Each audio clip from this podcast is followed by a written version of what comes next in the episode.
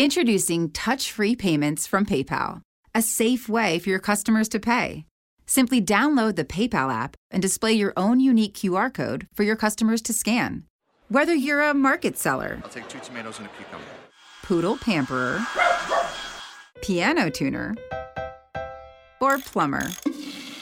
Signing up to accept touch free payments for your business is easy. Touch free QR code payments. Shop safe with PayPal.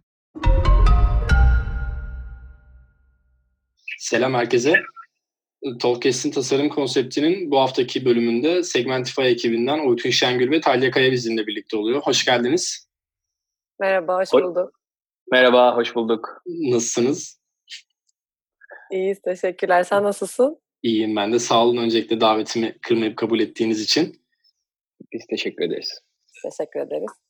Ee, istiyorsanız bir önce kendinizden bahsederek girelim ım, yayınımıza. Ee, Talya istiyorsan önce sen başla kendinden bahset bize birazcık. Ee, merhaba öncelikle tekrardan. Ee, Segmentify'da ürün yöneticisi olarak çalışıyorum şu anda. Yaklaşık bir 8 ay kadar oldu. Ee, Koç Üniversitesi Uluslararası İlişkiler mezunuyum. Aslında sürece girişim biraz garip oldu o yüzden. Daha öncesinden pazarlama deneyimim var çeşitli şirketlerde. Ee, Murat abiyle beraber, Murat Soysal'la beraber Segmentify'a dahil oldum. Ee, şimdi de Oytun'la beraber işte bu ürün tarafında onun çok desteğini alarak devam ediyoruz. Süper. Oytun abi birazcık da sen bahset istiyorsan kendinden. Tabii, bahsedeyim. Ben bir, e, ben Hasan abi gibi tabii 60'lardan başlamayacağım.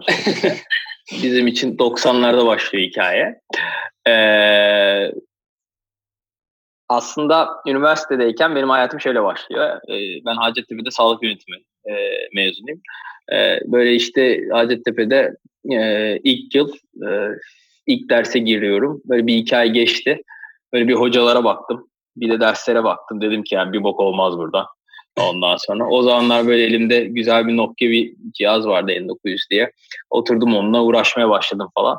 Ondan sonra dedim ne güzel şeyler falan. O bir store var o zaman belki aramızda hatırlamayanlar bile olabilir. İlk işte oraya e, app yapmakla başladım. Tabii o zaman e, hiçbir şey bilmiyorum konuyla ilgili falan. Şey öğrendim yani app nasıl yapılır. İşte C diye bir şey varmış. C++ diye bir şey varmış. E, bilgisayar, internet, o kitaplar olunca öğrenemeyecek bir şey yok biliyorsunuz. Ondan sonra oturdum işte kodlama öğrendim kendi kendime. Sonra öyle bir şekilde Nokia ile çalışmaya başladım, Intel'le. Derken e, oradan sonra bir e, ODTÜ'de yüksek lisans maceram var. Sonrasında da çeşitli firmalarda e, çalıştım. Daha çok işte ilk Enterprise'den bir sene sonra acayip derecede sıkıldığım için çünkü yani e, şu sandalyeyi soldan alıp sağa koymak yaklaşık olarak 3 ay ve 89 tane mail sürecinden sonra gerçekleşmediğini görünce e, yolumun startup olduğunu anladım. Sonra başladım startuplarda çalışmaya. Ee, şu an e, UX designer olarak mı benimsiyorsun kendini? Nasıl bir title'a bürünüyorsun? Ya bir kere tasarımcı değilim ben. Orası çok net. Ondan sonra eskiden development yani developer'dım eskiden. Kod yazıyordum. Ee, yani aslında hikaye şöyle. Ben mesela bunu İsraillerin böyle çok güzel bir yaklaşım var. Ondan sonra Japonların da var hatta böyle 5 kollu 7 kollu şeklinde. Ee, ben açıkçası çok meraklı bir adamım. Hayatta her şeyi merak ediyorum gerçekten. Ondan sonra merak ettiğim şeyi de okuyorum.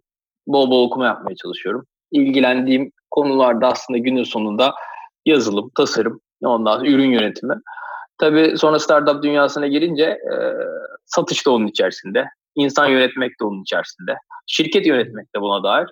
Doğal olarak aslında öyle bir e, benimsediğim bir title yok anladığım kadarıyla. Zaten LinkedIn'e girip de bakınca da böyle e, 55 tane farklı title görünüyor bende. Süper. Ee, biraz sizi tanıma fırsatı bulduk. Şimdi birazcık aslında ortadaki üründen bahsetmek isteriz. Segmentify e, nedir? Ne iş yapar? E, sizin oradaki sorumluluklarınız nedir? Birazcık bunlardan bahsedelim istiyorsanız. E, Talya'yla başlayabiliriz yine istiyorsan. Ee, Segmentify'dan biraz Oytun bahsetsin istersen geçmiş açısından. Benden çok daha eski olduğu için. Ben sonra görevlerimle devam edeyim. Tamam. E, öyle yapalım. Oytun abi senden başla. Tamam. Biz Segmentify'da ne yapıyoruz? Aslında Segmentify'da e, makine öğrenmesi tabanlı bir e, ürün öneri motoru Segmentify.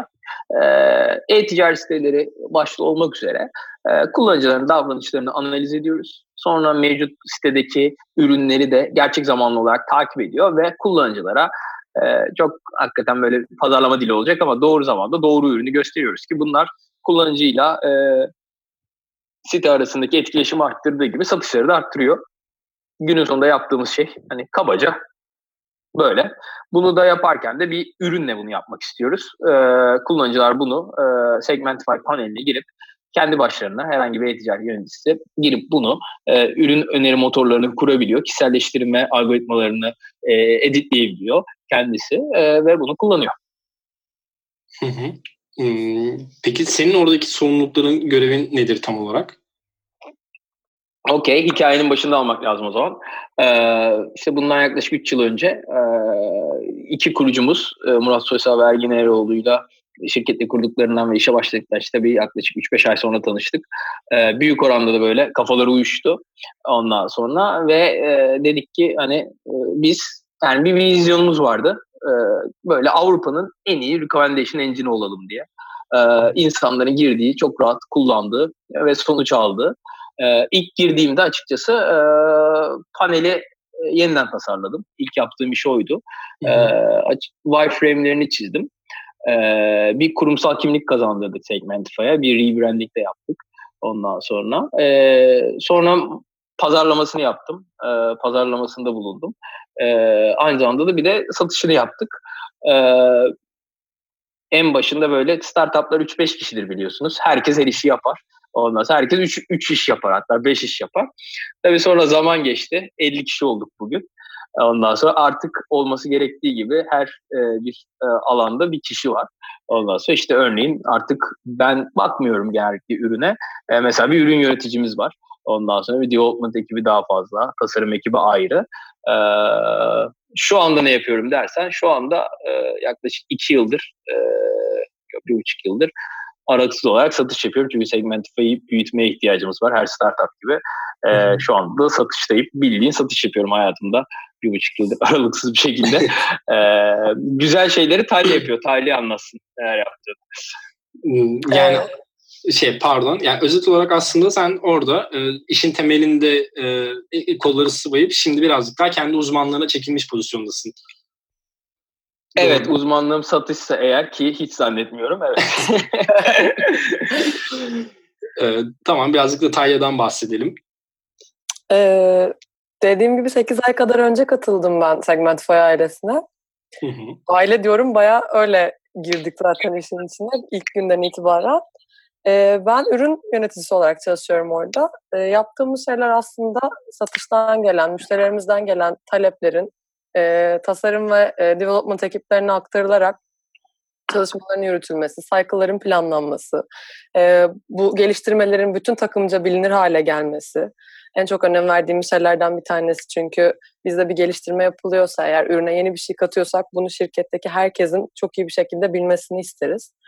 E, aynı zamanda geliştirilen özelliklerin takip edilmesi, e, bir sonraki kararlarımızın data bazlı alınması, bunun için işte çeşitli e, planlamalar yapılması, bir ürün geliştirme yapılacaksa, yeni bir özellik katılacaksa bunun işte wireframe'lerinin çizilmesi, kullanıcı süreçlerinin hazırlanması, tasarım ekibiyle beraber çalışılması gibi hı hı. E, süreçlerle de ben ilgileniyorum şu anda. Bu şekilde. Ee, şimdi bizim Tolkes olarak konseptimiz birazcık böyle tasarım odaklı olduğu için e, ben size daha önce birazcık çalıştım böyle birkaç sorular hazırladım sizin için böyle konuşma yönlendirdi. Güzel. Şey, şeyi merak ediyorum aslında. E, ürün yöneticisi olarak ya da e, PM ekibi öyle diyeyim artık e, PM ekibi olarak, ürün yöneticisi olarak e, siz tasarımlarınızı nasıl ölçümlüyorsunuz, e, nasıl ölçüyorsunuz? E, ölçüyorsanız da, e, pardon daha doğrusu ölçüyor musunuz? Ölçüyorsanız da nasıl ölçüyorsunuz? Böyle bir e, konu atayım ortaya. E, kesinlikle ölçümlüyoruz. Hemen o soruya evet diyerek başlayayım. E, ölçümlemeyi de e, işte çeşitli aslında takip kanalları üzerinden yapıyoruz. En son e, uzun zamandır kullandığımız Wupra var mesela. Kullanıcı davranışlarını takip ediyoruz. E, ki hani olası e, sıkıntıların işte frictionların e, önüne geçebilmek açısından işte kullanıcıları nerede kaybediyoruz? Nerede bir problem yaratıyor? Mesela bu Bizim panelimizle, tasarımımızla ilgili bir sorun mu? Yoksa burada başka bir sorun mu var? Burada nasıl bir çözüm bulursak burayı daha iyi bir hale getirebiliriz gibi bir ölçümleme yöntemimiz var. E, düzenli olarak da orayı takip edip çözüm geliştirmeye çalışıyoruz. E, bu şekilde bir ölçümleme yöntemimiz var açıkçası. Success ekibimizin bize verdiği yorumlar çok değerli oluyor.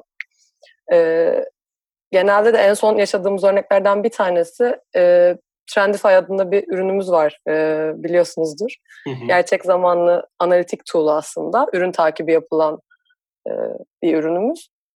Orasıyla ilgili belli bir kafamızda hipotez vardı. Success ekibinden de gelen oradaki belli raporlamaların müşteriler tarafından yeterince kullanılmadığına dair. E, bunu da işte az önce bahsettiğim gibi Wufra'daki aslında belli çalışmalarla oluşturduğumuz funnel'larla takip ettiğimizde biz de aynı şeyi gözlemledik. Ve burada bir e, aksiyon alarak orayı değiştirme yoluna gittik. E, ya bu şekilde aslında tasarımı hep bir şekilde datayla e, sağlamlaştırmaya çalışıyoruz ki hı hı. sonuçları da daha doğru ve daha müşteri tarafından kullanılabilir halde olsun. Ee, bu arada süper. Bilmeyenler için daha doğrusu ben de e, yeni duydum bu arada, yeni öğrendim. Wupra e, nasıl bir tool'dur? Böyle Hotjar gibi bir şey mi? Aşağı yukarı aynı işleri mi yapıyorlar? E, Oytun daha detaylı burada da bilgi verebilir ama e, Wupra'da yaptığımız şey şöyle bir e, süreç aslında. Paneldeki alanları belli eventler tanımladık. Yani müşteriler paneldeki yolculukların ta- her her bir yolculuk adımı için biz funnel'ımızda bir şey gözlemliyoruz. Yani onların adımlarını takip edebiliyoruz. Ee, video şeklinde değil, daha çok e, kolektif bir şeyden bahsediyorum. Yani 15 kişi panele geldi ve atıyorum 5 kişi canlıya çıktı kampanyayı. Aradaki bütün adımlarda bu 10 kişiyi ben nerelerde kaybetmişim? işte sayfa seçiminde kaybetmişim, kampanya hazırlarken kaybetmişim noktalarını gözlemleme fırsatı buluyoruz. Böyle detaylı bir fırsat veriyor bize. Yani bir funnel oluşturuyorsunuz. O funnel'da evet. user'lar e, nerede ne yapıyor, kaç ne kadar süre kaybediyorlar falan onları e, onların datasını alıyorsunuz. Kesinlikle aynen öyle. Ona göre de biz kendi tasarımımızda ve süreçlerimizde iyileştirmeye gidiyoruz. Ee, süper. Oytun abi senin söylemek istediğin bir şey var mı bu konuyla ilgili? Yani tasarımlarınızı nasıl ölçümlediğinizle ilgili. Açıkçası yok. Tam olarak böyle ölçümlüyoruz. Talya'nın anlattığı gibi ölçümlüyoruz. Sen tabii e, eğer soruyu şöyle soracak olursak e, neden böyle ölçümlüyoruz, nasıl başladık diye onu anlatabilirim. Segmentify'daki e, tasarım süreçlerini. Tabii, Tam tabii, da tabii. Konunun zaten şeyde konu başlığı olarak. E, aslında Talya çok güzel bir e, bence e, çok güzel bir soru sordum bu arada. Talya da çok e, çok güzel bir şekilde cevapladı. E, hani şahsen benim bir ürün yöneticisinden beklediğim gibi cevapladı. Çünkü e, günün sonunda tasarım her noktasıyla ölçülebilir bir şey. Öyle değil mi? Yani evet. e, her bir e, alınan kararın bir sebebi var. Hep aramızda konuşurken de söyleriz. Yani e, söylerim daha çok belki. E, yani hani buraya bu butonu koyma sebebim işte bu okey bu sebepten. Mavi yapma sebebim ise içimden geldi. Yani bu da bir sebeptir. Yani ama biz biliriz ki en azından e, bu şeyi böyle e, Talya'da elimden geldiğince verdiğimi düşünüyorum. Tasarımcıların da canını okuyor mu bilmiyorum böyle sürekli başında durarak bu buton niye mavi, bu butonun üzerinde neden şöyle bir e, şey var, e, nokta var, çizgi var diye. Ama her kararın değil mi arkasında bir sebep olmak zorunda. Tabii. En azından biz bilirsek oraya maviyi koyma sebebimiz tasarımcının e, içinden o gün mavi gelmesi yarın bir gün onun bir sonucu olursa böylece sebebini bilmiş olacağız. Kesinlikle. Bu yani, önemli. E, buradan da aslında şunu çıkartmalıyız. E, bu aralar Twitter'da da çok dönen bir e, replik var ya işte tasarım bencelerden arınmış olmalı falan gibisinden.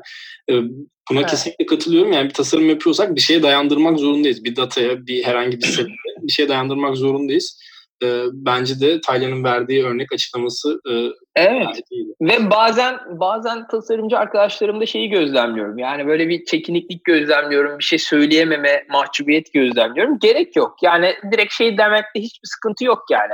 Canım öyle istediği için öyle koydum. Yani e, bugün mavi çok güzel duruyordu. O yüzden mavi koydum gibi. Bence gayet cevap bunlar. He, tatmin eder etmez sonuçlarına hep beraber katlanırız. O ayrı bir konu ama en azından bir cevap yani. Sebebini bilmiş oluyoruz. Ee, tabii burada bunun genellikle kaynaklanma sebebini ben e, geçen konuşmada bu arada bir önceki podcast de çok güzeldi.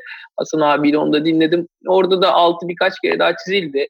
Biliyorum böyle defalarca ortamlarda da artık bunun geyiği oluyor. Hani böyle UX ile UI farkı şeklinde ama ben yine aynı yere vurgu yapacağım. Ee, sebebi bu oluyor genellikle. Yani genellikle e, visual design dediğimiz, bazen UI olarak adlandırdığımız, e, Türkçesi bence çok güzel, grafik tasarım. Grafik tasarımdan beklenen şeylerin üzerine e, yorum yapmak dünyanın en kolay şeyi. Ki onun da bir sürü kuralları var. Hayatında renk paleti nedir bilmeyen adam gelip tabii ki yorum yapabilir sana. Ondan sonra bu oluyor. E, her projemizde de başımıza geliyordur. Siz, senin daha çok geliyordur. Sen daha çok biliyorum müşteriye iş yaptığın için. Sonuçta biz kendi Kesinlikle. içimizde daha çok yapıyoruz.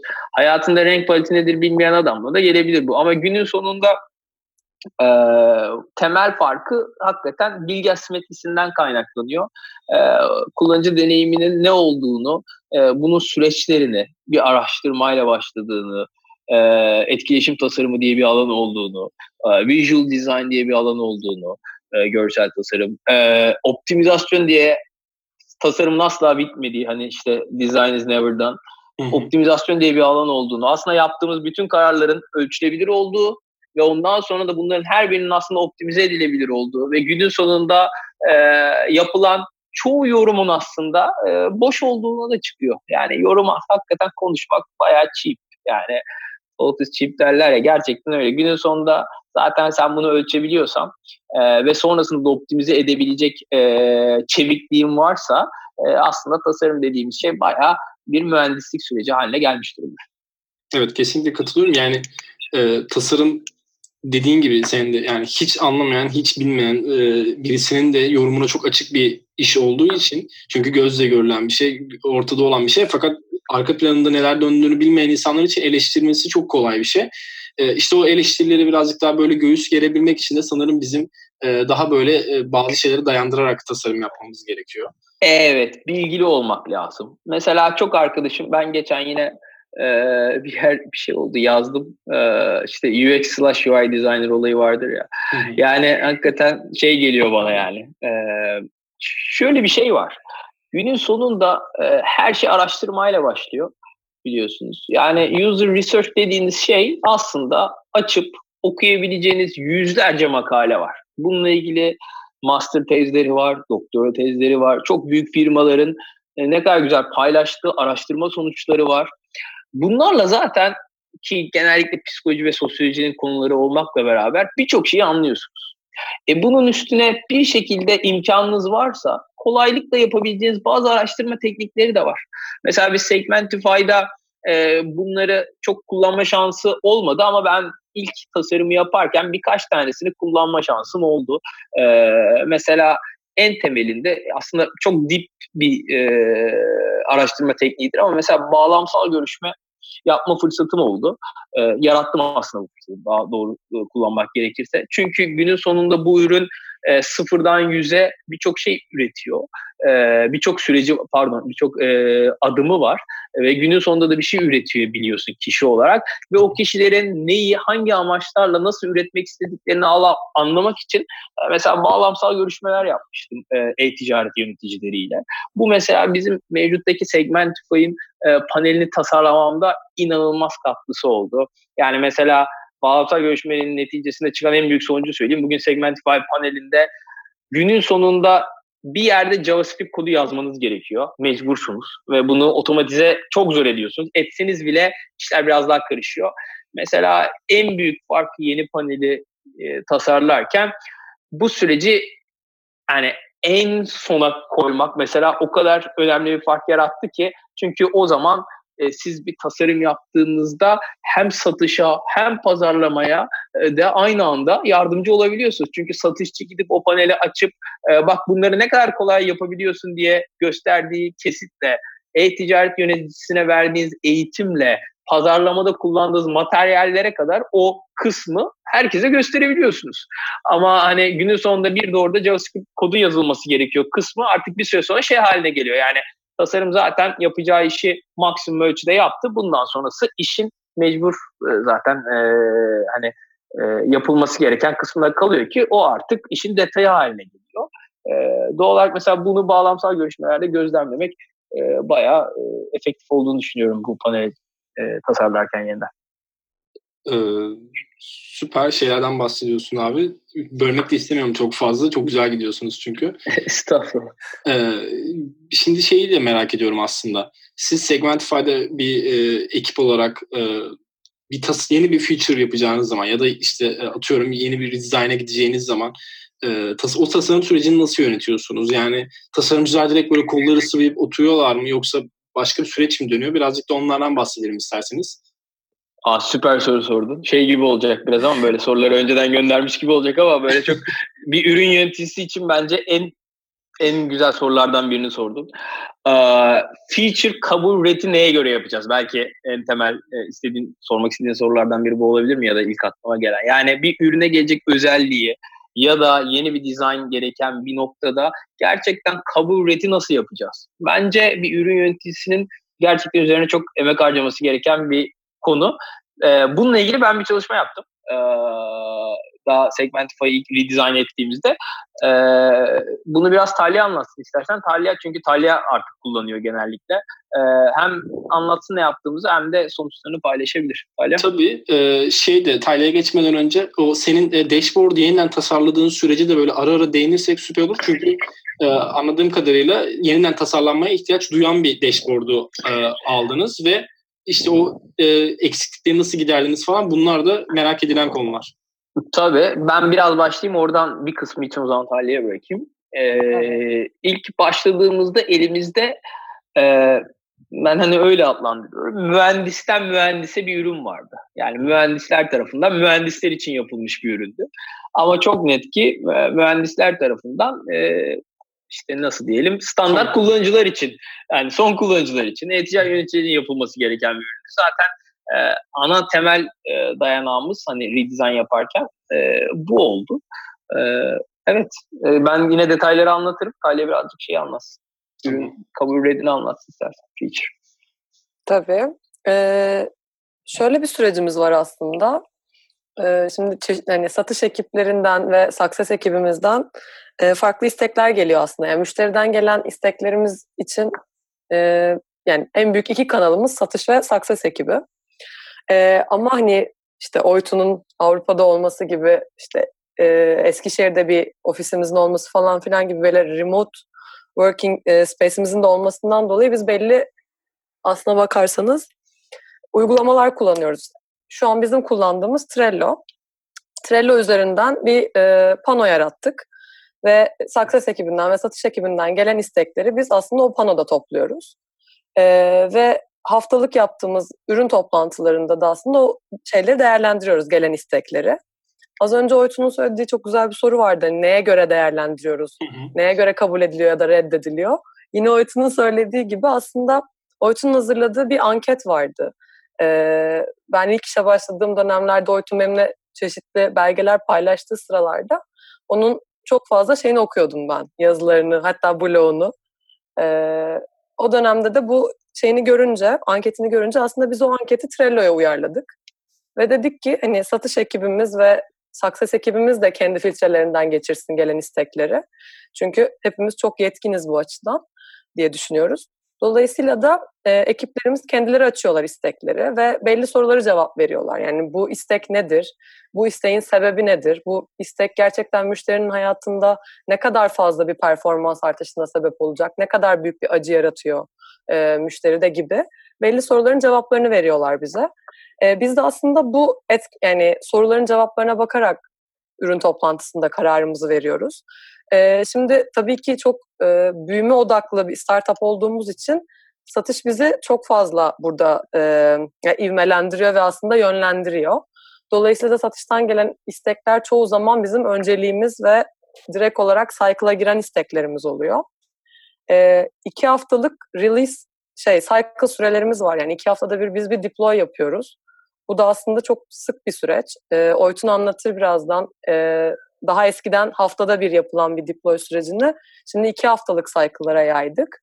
E, gelen istekler bizim tarafımızdan geçtikten sonra bir analiz yapılıyor. Bu analiz maalesef çok derin araştırmalar, çok derin kullanıcı davranışları noktasına gidemiyor. Çünkü dediğim gibi çok hızlı bir startup hayatında yaşıyoruz. Ee, ama olabildiğince işte development ekibimizin yaptığı analizler ya da benim tarafımdan yapılan kullanıcı analizleriyle bunlara bir cycle belirleniyor. Ee, ve ta şey, e, tasarım ihtiyacı olan maddeler ona göre önceliklendiriliyor. Tasarım ihtiyacı olan maddeler için benim analizim bittikten sonra ben aslında çoğunlukla bir wireframe hazırlıyor oluyorum. Ee, böylece de daha rahat çalışabilmemiz açısından. Hazırladığım wireframe ile beraber tasarım ekibine e, iletiyorum. Onlar üzerinde çalıştıktan sonra genellikle aramızda gitgelli bir süreç oluyor tabii ki. Hani yine en başında konuştuğumuz burası neden böyle oldu? Böyle olsa daha mı iyi? Bunu niye mavi yaptık? Bu, orayı şöyle mi yapsak acaba gibi. Sürekli bir e, revizyon ve karşılıklı tartışma süreci ilerliyor. Tasarım süreci de bittikten sonra aslında tamamen development ekibinde kalıyor geliştirme süreci. Bir haftalık da test periyodundan sonra e, deploy alıyoruz aslında. E, süreçler genel olarak böyle ilerliyor. Süper. Şu anda. Ee, tasarım ekibiniz nasıl bir büyüklükte? Yani e, bildiğim kadarıyla, daha doğrusu dışarıdan gözlemlediğim kadarıyla Segmentify'in böyle bir oturmuş bir UI tasarım dili var aslında. E, gerek illüstrasyon dili olsun, gerek UI tasarım dili olsun.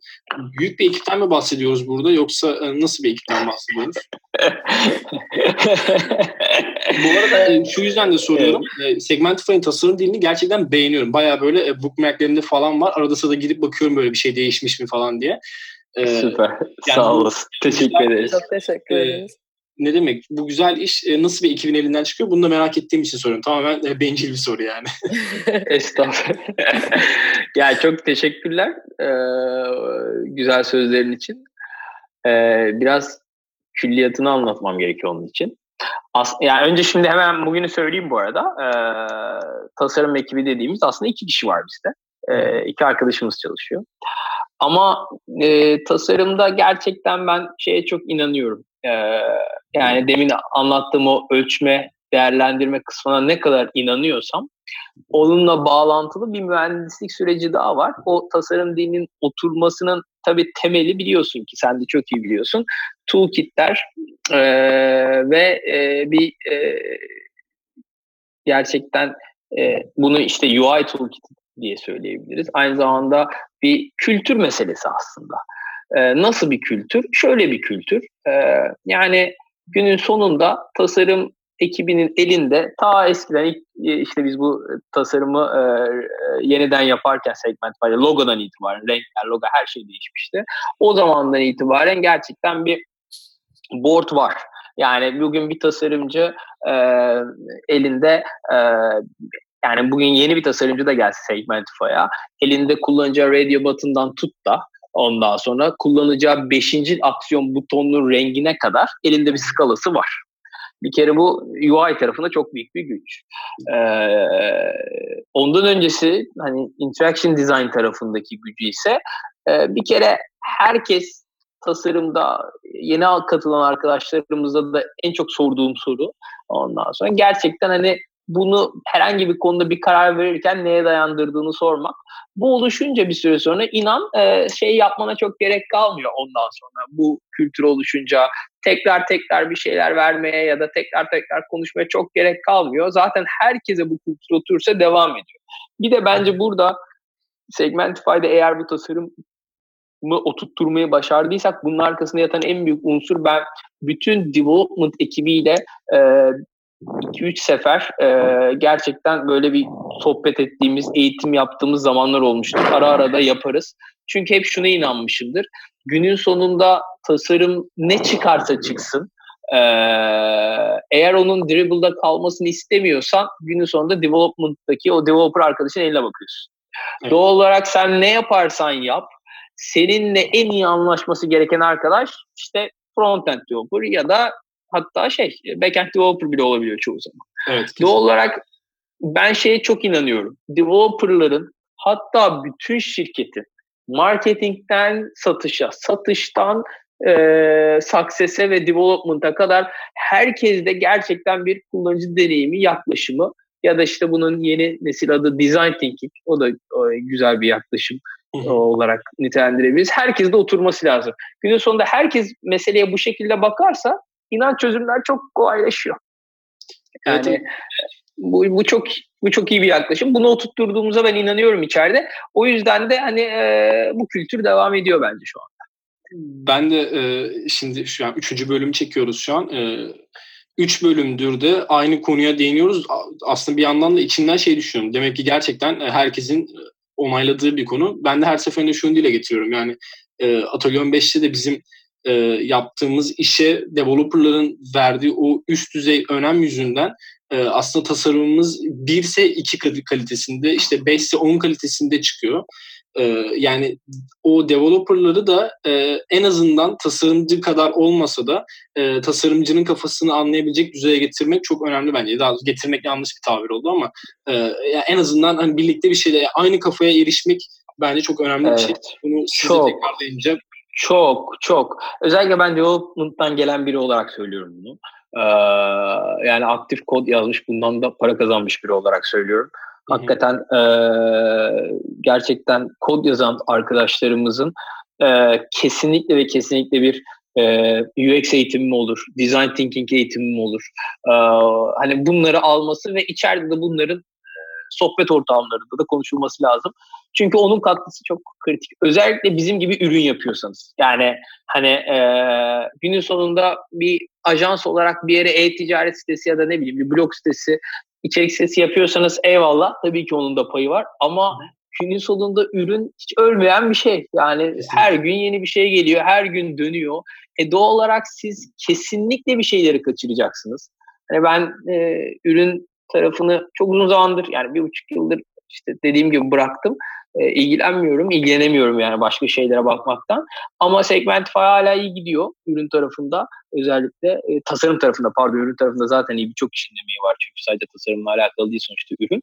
Ondan sonra ama tasarım tarafı da çok iyi gidiyor. Çünkü herkes bence içerideki ekip e, işe böyle bakıyor. Developer da böyle bakıyor. E, ürün yöneticisi de öyle bakıyor. Satışçı da öyle bakınca oluyor. Süper. Bir de olmaz diye bir şey yok mesela. Ben mesela kabul etmediğim bir şey daha var mesela benim hayatım boyunca. Yani e, mesela bir şey isteyince, bir şey olunca böyle bir şey vardır ya mesela. Yani e, ya biliyorsun işte hani segmentify yani burada olmaz falan hani bu çok karşılaştığım bir şeydir hayatım boyunca. Mesela o yüzden ben Segmentify'da hani e, kurucu ekipten hemen sonra başladığım için sağ olsunlar da bunu da daha önce de yazmıştım. Bana da o imkanı sağladıkları için e, içeride böyle de bir vizyon olduğu için tüm kurucu ekipte ondan sonra ben bunu sağladığımızı düşünüyorum. Yani bugün Segmentify'da e, mesela e, tasarımla alakalı olsun, ürünle alakalı olsun. Ben zannetmiyorum ki ya işte burası da Segmentify yani burada olmaz gibi bir şey olsun. Hepsi olabilir bence. Hepsi elimizde. Bugün belki biz bir tasarımda e, mesela araştırma yapamıyoruz. Ondan sonra yapmamız lazım. Çünkü kararlarımız genellikle hani her ne kadar hayaller gerçekler kısmına gelecek olursak evet bunları yapmamız lazım. E, araştırmanın önemini herkes biliyor. Ondan sonra ama hiç araştırma yaptık mı Oytun? Hani işte redesign'dan sonra sıfır. Hayır hiçbir araştırma yapmadık. Interaction design tarafında ne yapıyoruz? Yani etkileşim tasarımda. Tamam Talia wireframe'leri çiziyor ama daha çok hani mockup şeklinde wireframe'ler onlarda. Ondan sonra bununla ilgili böyle en azından bir prototip testi yapıyor muyuz mesela? Hayır yapmıyoruz. Peki yapmamız lazım mı? Biliyoruz evet. Ondan sonra peki imkanlar buna izin vermiyorsa ne yapabiliriz? O zaman optimizasyon yapabiliriz. Optimizasyon gerçekten bizim elimizdeki imkanlarla yapabileceğimiz bir şey. O yüzden örneğin burada sağ tarafa ya da sol tarafa o butonu koyacağız ya da rengin ne olacağının tartışmasını yapmak yerine butonu oraya koyalım ondan sonra ama çok iyi ölçelim onu. Çok iyi gözlemleyelim. Sonrasında da hızlıca değiştirebilirim. Ee, o yüzden hatta benim de şey mottom odur yani hakikaten hani move fast break the things derler ya gerçekten. Ee, yapalım yıkalım sonra tekrar yapalım. Zaten mesele de yapıp yıkıp tekrar yapabilmek e, becerisinde ve şeyinde e, nasıl diyeyim e, soluğunda yani hakikaten soluk yettikçe e, o şeyi koşacaksın. Bir, çok büyük bir maraton. Ürün de bir maraton. Doğal olarak günün sonunda ürünler startuplarla bu kadar özdeşleşince SaaS e, business'ında doğal olarak startuplarda, ürünlerde çok uzun soluklu bir maraton. E, böyle. Ee, bir şey ufak bir şey eklemek istiyorum ben de. Ee, az önceki dediğin şeye, son söylediğin şeye dayanarak. Bizim de Atölye 15'te tasarım ekibinin böyle şeyi vardır. İşte hep kendi aramızda e, Oğuz abiden gelen bir olay vardır. Hani böyle sabaha kadar bir şeyi e, ortada yokken tartışalım. Sabaha kadar sadece tartıştığımızla kalırız ama bir sürü alternatif yapıp görürsek e, doğruya o zaman erişebiliriz. En azından erişmeye çalışmış oluruz gibisinden bir motto var. E, senin söylediğin şeylerle de aşağı yukarı eşleşiyor zaten. Aynen. Aynen. Aynen. E, Tayla söylemek istediğim bir şey var mı bu konularla ilgili? Yeni e, bir konuya geçeceğim çünkü birazcık farklı bir konu. Yok tabii. Orçun her şey söyledi. Ekleyeceğim hiçbir şey yok. Ee, şimdi şeyi merak ediyorum aslında. Şimdi e, Product'tan bir arkadaşımız var aramızda. Business'dan bir arkadaşımız var. Ee, aslında bütün süreçlerden bahsettik. Segmentify'da tasarımdan bahsettik. Development'tan birazcık bahsettik. Business tarafına çok giremedik ama birazcık bahsetmeye çalıştık. Bu üçünün e, ilişkisini nasıl kuruyorsunuz ve e, nasıl yönetiyorsunuz bu süreci? Buralarda söylemek istediğiniz bir şeyler var mı sizin? Ee, ben atlayabilirim galiba burada. en çok canı, canı yanan olarak atlasın. ya canı yanan e, demeyelim tabii şimdi ama e, yani biraz ilk ben bu işe başladığım zaman Murat abinin bana şöyle bir cümlesi olmuştu e, ben ne iş yapacağım Murat abi dediğimde katıların arasındaki sıvı olacaksın e, cümlesini kurmuştu. Gerçekten geldiğimden beri aynı şeyi hissediyorum aslında. E, çok hani net e, takımlarımız var gerçekten. Hani e, tasarım, development, business herkesin istekleri ve durdukları yerler çok belli. Aralarındaki ilişkiyi biraz aslında sanırım e, bireysel ilişkilerin haricinde tabii ki ben kuruyor oluyorum. Ürün tarafı kuruyor oluyor. Benimle beraber bir ürün müdür arkadaşım daha var. Onunla beraber kuruyor oluyoruz. Ee, tabii ki ilk konuşmanın başında bahsettiğim gibi büyümekte olan bir startup'ız. Ve aslına bakarsanız satış tarafı yani Oytun'un tarafı e, hepimizi birazcık daha yönlendiren taraf oluyor. Yani satıştan bir istek geldiği zaman e, her şeyin daha önüne geçen, hayatı durduran bir dakika dönüp oraya bakalım dediğimiz bir şey. Çünkü müşteri her şey. Hı hı. E, o yüzden de böyle bir arada bir süreçte bulunuyor oluyorum ben. E, bilmiyorum Oytun ne düşünüyor bu konuda ama onun da yorumu önemli tabii. Yani bir ufak bir araya gireyim. Aslında şey yapıyorsun sen orada. Bir satış tarafından, son kullanıcı tarafından gelen e, şeyi product gelen veriye göre ya da gelen isteğe, arzuya göre artık her neye göre ise e, ürünü, ekibi ona göre yönlendiriyorsun. Kesinlikle gibi. aynen öyle. Yani ilk başta bahsettiğimiz aslında bütün o ürün toplantısı süreçleri vesaire Hı-hı. bu üçlü e, yani bu üçgenin aslında toplanma alanı gibi oluyor. E, evet o şekilde. Çok güzel kurdun cümleyi. Bir şey söyleyemedim üstüne. Aynı soruyu şey, o da yönlendirelim o zaman. E, yani bu üçünün ilişkisini nasıl kuruyorsunuz, nasıl yönetiyorsunuz? Yani en kritik soru bu aslında. Çünkü günün sonunda bir ürün startup'ının varlık ve yokluk sebebi. Bu söylediğin, sorduğun soru. Çünkü biz bir ürün startup'ıyız. Biz bir ürün geliştiriyoruz ve o ürünü satıyoruz, pazarlıyoruz her neyse. Doğal olarak e, yani e, Talya şey dedi tabii hani aradaki e, sıvı dedi ama şey yani o atar da var günün sonunda. Yani o olmazsa hiçbirimiz yokuz. Yani her ne kadar satış e, çok cafcaf olsa da e, günün sonunda ürün varsa var yoksa yok. Yani e, şimdi startupların belli evreleri var malum. Ondan sonra doğuşu, büyümeye çalışması, büyüme sancıları, ondan sonra e, markette kendini yer bulmaya çalışması gibi. E, ama e, ve bu, bunları tabii bu konularda hep satış ivmelendirici şey. Fakat şöyle bir şey var günün sonunda. Biz bir servis kampanya de değiliz. Yani servis de değil amacımız. Doğal olarak satış servis ilişkisi de yok burada. Ee, biz mesela örneğin hep çok iyi bir ürün yapmaya çalıştık dedim ya. Ondan sonra çok iyi bir ürün yapmak satışın dediklerini yapmakla mümkün değil tabii ki. Yoksa günün sonunda bu mesela tasarımda çok net bir kural vardır aslında. Mesela bu e, anketlerde özellikle e, araştırmada hatta biraz da tasarıma da değinelim. Çok ürün gittik. Ürün business gittik. Mesela tasarımda şey sorusu vardır anketlerde sorabilirsiniz. Mesela hani e, bu özelliği ister misiniz diye bir soru eğer sorarsanız e, genellikle evet gelebilir yani. Ya da ondan sonra e, işte buradan hani şey gibi bir soru bu mesela üründen e, ürünle e, bağlı olacak bağlı düşünelim. İşte hani e, size ücretsiz e, bugün bir 10 lira versek kabul eder misiniz? Yani hiçbir şey yapmadan. E, ederim yani. Hani kim etmez ki yani değil mi hani yani. Ondan sonra doğal olarak şimdi e, satıştan gelen nokta öyle olabilir. Yani mesela e, bir müşteri bize e, işte bir milyon dolar verecek. Okey ne yapalım? İşte şu özelliği getirsek. Yani tabii orada düşünülmesi gereken yüzlerce şey var. Bir müşterinin verdiği para bizim gibi bir ürün şirketi için e, bir anlam ifade etmeyebilir. Çünkü günün sonunda e, siz birçok kişiye ulaşmaya çalışıyorsunuz ve iyi bir ürün yapmaya çalışıyorsunuz. İyi ürünün karşılığı e, her zaman e, müşterinin beklentisi olmayabiliyor. Aynı tasarımda olduğu gibi.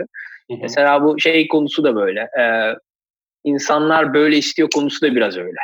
Yani günün sonunda diyelim ki neyi arttırmaya çalışıyorsunuz? Mesela bu hep AB testlerinde çoğunlukla yanlış yapılan e, gözlemlediğim AB testlerinde.